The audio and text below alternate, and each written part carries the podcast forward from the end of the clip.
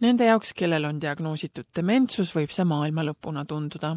üle neljasaja tuhande austraallase elavad praegu dementsusega. iga päev diagnoositakse kahesaja neljakümne neljal inimesel dementsus ning järgmise neljakümne aasta jooksul arvatakse, et need arvud tõusevad märkimisväärselt mida peaks siis peale sellise diagnoosi saamist tegema ning kas sellega on võimalik kvaliteetset elu elada? Dementsuse all mõeldakse rida sümptomeid, mida põhjustavad erinevad aju mõjutavad häired, millest kõige levinum on Alžeimeri haigus. Trevor Crosby on ühe dementsuse liigiga, mida kutsutakse Lewy keha haiguseks, umbes seitse aastat elanud tema mälu halveneb iga päevaga, kuid ta ei unusta kunagi päeva, mil talle haiguse diagnoos pandi. I was absolutely dumbfounded. I was speechless. I had a lump in my throat. I, every emotion that I, in, in my body was impacted by this terrible news and uh, I just thought that was the end of it. Well, Trevor Crosby juhtis New South Walesi osariigis farmi ning kahteteist ettevõtet. ta on pidanud igas oma eluvaldkonnas nüüd muudatusi tegema, et mälukaotusega hakkama saada. Because I had a diagnosis of dementia, it meant that my mental ability was going to go downhill. Sorry, I've just lost my train of thought there. Oh, the changes, that's right. The changes that uh, we experienced were anything from where we live, we had to retire our business, down to things like driver's licenses were under review annually. Trevor on üks neljasaja kolmeteistkümnest tuhandest austraallasest, kes dementsusega elab. Keetika ema oli suhteliselt noor ehk kuuskümmend kolm aastat vana, kui tal dementsus diagnoositi you go through that shock and you go through that absolute anger. If you deal through that, then you get to that stage of accepting it that, okay, well, this is what it is. This is what my mom has. Where next? Where now? What do we do? How do we, how do we make sure my mom is supported? What support systems are available to us? And that's when we started getting in touch with Alzheimer's Australia. Keetika perekond osales Alzheimer Australia organisatsiooni poolt läbi viidud dementsusega elamise programmis. selle programmi kaudu kohtusid nad kaheksa teise perekonnaga, kes olid sarnasel teekonnal, mõned neist olid viiekümnendates eluaastates There are people 10 years younger than my mum who are getting this. Listening to people, listening to how they were managing. What the program was really helpful was in terms of how do you then go through the journey of dementia? How do you live uh, well with dementia?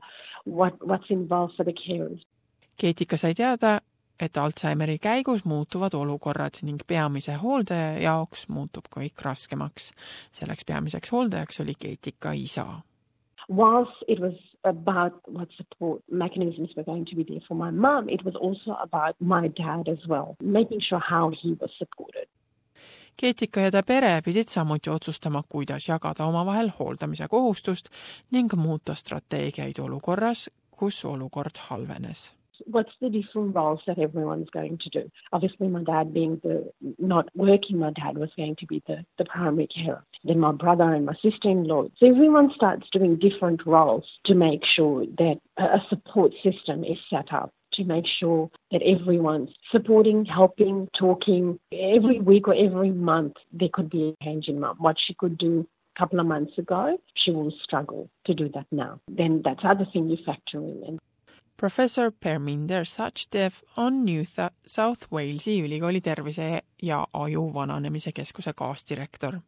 tema sõnul kahekordistub dementsuse levik peale kuuekümne viiendat eluaastat iga viie aasta järel kahekordselt.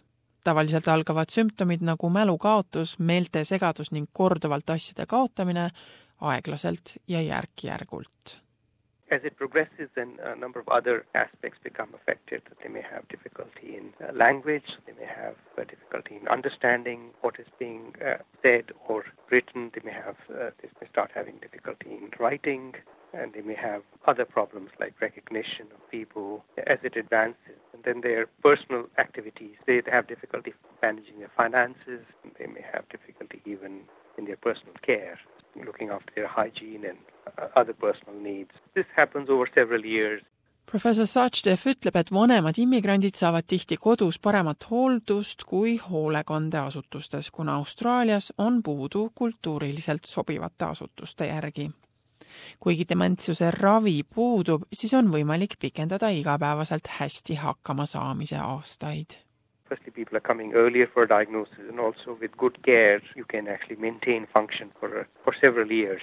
Uh, often, in some cases, maybe even up to 10 years, but often we say five, six years, even more, before, that they can continue to function reasonably well before their uh, dementia has advanced to a degree that they need considerable help in their uh, daily activities.